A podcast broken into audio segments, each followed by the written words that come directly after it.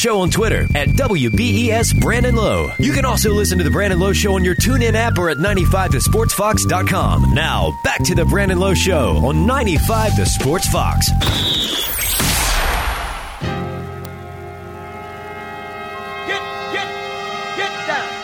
All right, great show so far. Obviously, a lot of conversation about Zion Williamson and what happened last night between UNC and Duke. 34 36 seconds around that into the contest. Zion Williamson, his shoe, his Paul George Nike shoes explode or implode, whatever you want to use, and uh, he's out of the contest. You had a former president in attendance, Spike Lee. Uh, Ken Griffey Jr. Um, so this was obviously a hot ticket. It was one of the biggest college basketball contests in years, and uh, kind of a disappointment to put it uh, to say the least. And on the line to talk about that, College Hoops Overtime Betting Podcast co-host producer of That's Gold Show, Greg Peterson, straight out of Vegas. Greg, welcome back, man. Good to be back. How are you? No good, my friend. Uh, I'm not a Duke fan, so I'm doing okay. And uh, obviously, there was a lot of, uh, I guess, a shock uh, when you watched that game last night because there was so much hype involved with this. Um, let's start with the ticket prices, okay? Then we'll move our way over to what happened with that shoe. But ticket prices were absurd, man. Twenty six hundred dollars was the cheapest ticket. They were going upwards of four thousand dollars. You had former presidents in the house. I mean, what an amazing! It was like a Lakers game. That wasn't a Duke game. That was a Lakers game last night, Greg. Oh, it certainly was. It was absolutely off the hook. Who was all attending that game? Had Barack Obama, Spike Lee, like you mentioned before. There was so much buzz for it and rightfully so. Everyone wanted to see the three-star freshman for Duke, and then you've got Duke versus North Carolina. In my opinion, the biggest rivalry in all of college basketball. And then 35 seconds into the game, as you mentioned, we see the biggest highlight of them all with Zion Williamson going out with that injury. Yeah, and, and no, it's interesting because I my eyes tend to stay back. So like when the camera moves I watch guys back there, so I saw him fall. The camera was already moving to the transition play by UNC, and they scored that basket very quickly, and then they stopped play because Zion was still in the court. But I saw him fall, and it was interesting because I said, "Whoa, it was that his ankle?" And then they zoom in, and it's not his ankle; it's his entire foot going through the shoe that I would imagine is a newer shoe. I couldn't, I couldn't believe it. Uh, Jay Bilas even had uh, a, a, pulse uh, there for a little bit, which was, was amazing for him. So, I mean to see his foot go through that shoe, I mean, I, is it because he's a big man? Is it the shoe? There was just so many questions. Yeah, there certainly was. I have absolutely no idea what it was myself because I mean, it's something that you just don't see. A shoe exploding, and not just a shoe exploding, a probably brand new shoe, like you mentioned, 35 seconds into the game. This is just something that is pretty unprecedented. We've seen it a couple times in the NBA, but this is just a very, very weird situation. I think uh, the conspiracy theorists are out there thinking that it, this was some type of Adidas, uh, like a plan to get back at Nike. Yeah, I'm not going to quite buy into that one, but always is nice to dream. I uh, gotta love those guys, right? Uh, the tinfoil hat wearing, uh, you know, probably big Alex Jones fans. All right, so anyway, we get uh, we get this whole uh, Duke, North Carolina. There's big hype. You're in Vegas. The line for most places we're sitting somewhere around nine, eight and a half. Uh, KenPom, even just based off efficiency alone, uh, whatever, said that uh, Duke could uh, win it by at least 11 plus. And then you turn around, Zion goes down, and North Carolina just puts it to Duke after that. And they didn't just do it with convincing fashion because this was the biggest blowout win for a team that was ranked number one on their home court since 1999. No team has lost by that many points on their home court being ranked number one in that long. But North Carolina did it while shooting 2 of 20 from 3.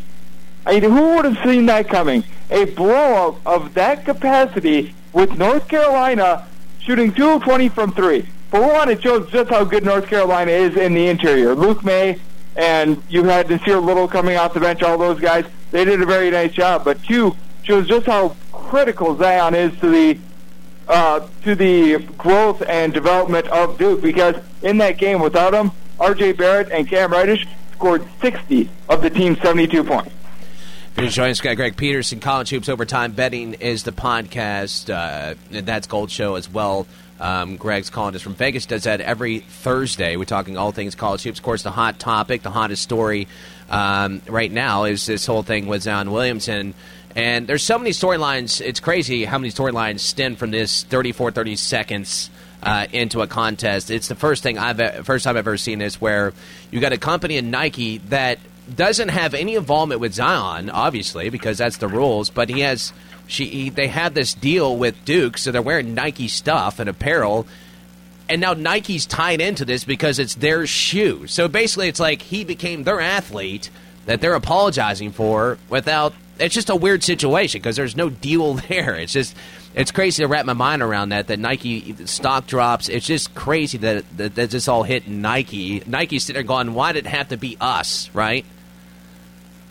Exactly, because had this been like an Under Armour school or something like that, like Maryland or Wisconsin, then we would be blaming them. And it's just one of those things where it's like, if you're Nike, what the heck do you do? I mean, maybe you've had a bad shoe or something like that. You have to look at like the manufacturing of the shoe or something like that. But this could have happened to anyone on any given night, and now Nike just wound up getting the short end of the stick on this. Uh, all right, so let's talk about stock with both these teams. Obviously, the big question is, and I'll get to this next, but it's all going to depend on Zion Williamson returning to play for Duke. But where's the stock on both these teams at this point? Let's uh, let's say Duke currently, right now, let's say Zion Williamson doesn't return until maybe later in the season, or, or you know, in the in the tournament, uh, or right before the tournament. Where does Duke go from here, and where does UNC go from here? That is a depends on how Duke plays going forward question because Coach K is actually one of the worst in-game adjustment coaches out there that you'll find. I actually had a chance with one of our Vegas and Information hosts, Gill Alexander, to talk about this. And he, a couple years ago, met one of the assistants on the Lehigh bench back when they knocked off Duke at the 15 seed. What that Lehigh coach told me is that he was stunned that Coach K made zero halftime adjustments out, out there. He actually went as far as to call Coach K arrogant in the way that he did not adjust at halftime when Lehigh was able to w- win that game. So I think that we need to see a little bit more out of Duke because right now it's a to be determined. You have absolutely no idea how they're going to play in their first full game without Zion Williamson when they actually know that they're going to be without him. Now for North Carolina, this is a team that's truly ascending. They look like a little bit more of a two seed right now they really are playing some good basketball. You've got a guy in Luke Maye that played in the national championship a couple years ago, is a very, very good player. And then you've got the guys out there in the backcourt like Coby White. You've got Cameron Johnson, a guy that shoots over 45% from three. So stock up on North Carolina. Duke, going to be stocked down, but how much of a stock down, we don't know at this point. Yeah, it's interesting because, you know, when we're talking about Final Four teams, we've talked so highly about Duke for good reason because of those three freshmen and Zion Williamson and – um, so now the uh, the future there. If you're Zion Williamson, do you come back and play, or do you sit out and get ready for NBA? Well, obviously there are so many players that they have those aspirations of being able to get to a Final Four, host that national championship trophy, or anything like that. If he's concerned about his future well-being, though, and being able to make money at the next level, I would hold out. Who is going to go number one overall in the draft if it's not Zion Williamson? I can't think of anyone. As long as Zion Williamson is healthy during all of his pre-draft workouts and everything like that, he has the number one pick, and it's not even close. If I were him, I would say, you know what, I had this scare. I need to look out for my own best interest, and I would hold out. You're a bracketologist as well. Does that make you weary at this point? Your final four picks uh, are they basically the same outside? Is Duke now kind of an outlier until you find out what happens to Zion Williamson? I really honestly don't have Final Four picks just because it's all matchup based.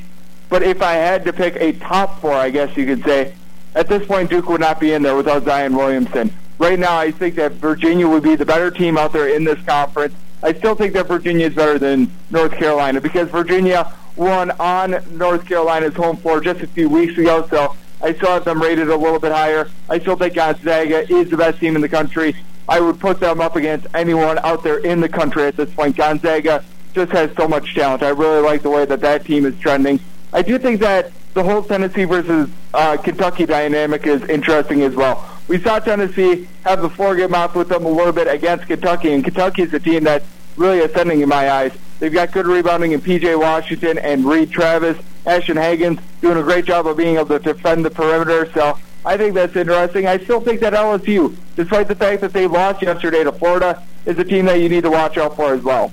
We didn't get it last week because uh, the phone cut off. But uh, Dark Horse, what's a what's a either a small conf, smaller conference, you know what they call out of those Power Five conferences or whatever. Um, I can't keep track what these call these teams anymore. Um, and you know the automatic, the non-automatic bids, teams have to maybe win their conference tournament. Where maybe one of those schools that maybe uh, people could could pick or, or bet on to maybe go a little further than what most uh, other experts might predict. Well, let's hope the phone doesn't cut out on this again. But if you're looking for a team that has made people so much money this year and actually is tied for the lead in the Missouri Valley Conference with last year's darling Loyola Chicago, how about the Drake Bulldogs? In the beginning of January, they lose their point guard Nick Norton. Ever since then, they've done a great job of being able to slow down games. They're 10 and 5 out there in the Missouri Valley.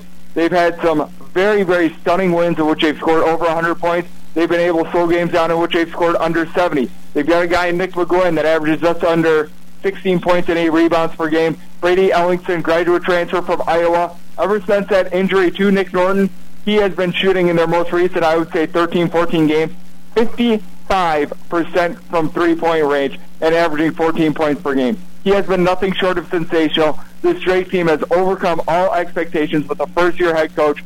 Give me the Drake Bulldogs as being a dark horse out there in the NCAA tournament. Good stuff as always, Co. As producer, that's Gold Show College Hoops Overtime Betting Podcast. Be sure to check that out. And we do this every Thursday, talking all things college hoops with Greg Peterson out of Vegas. Greg, appreciate your work, my friend, and enjoy the rest of your week. Always a pleasure, Brandon. Thank you.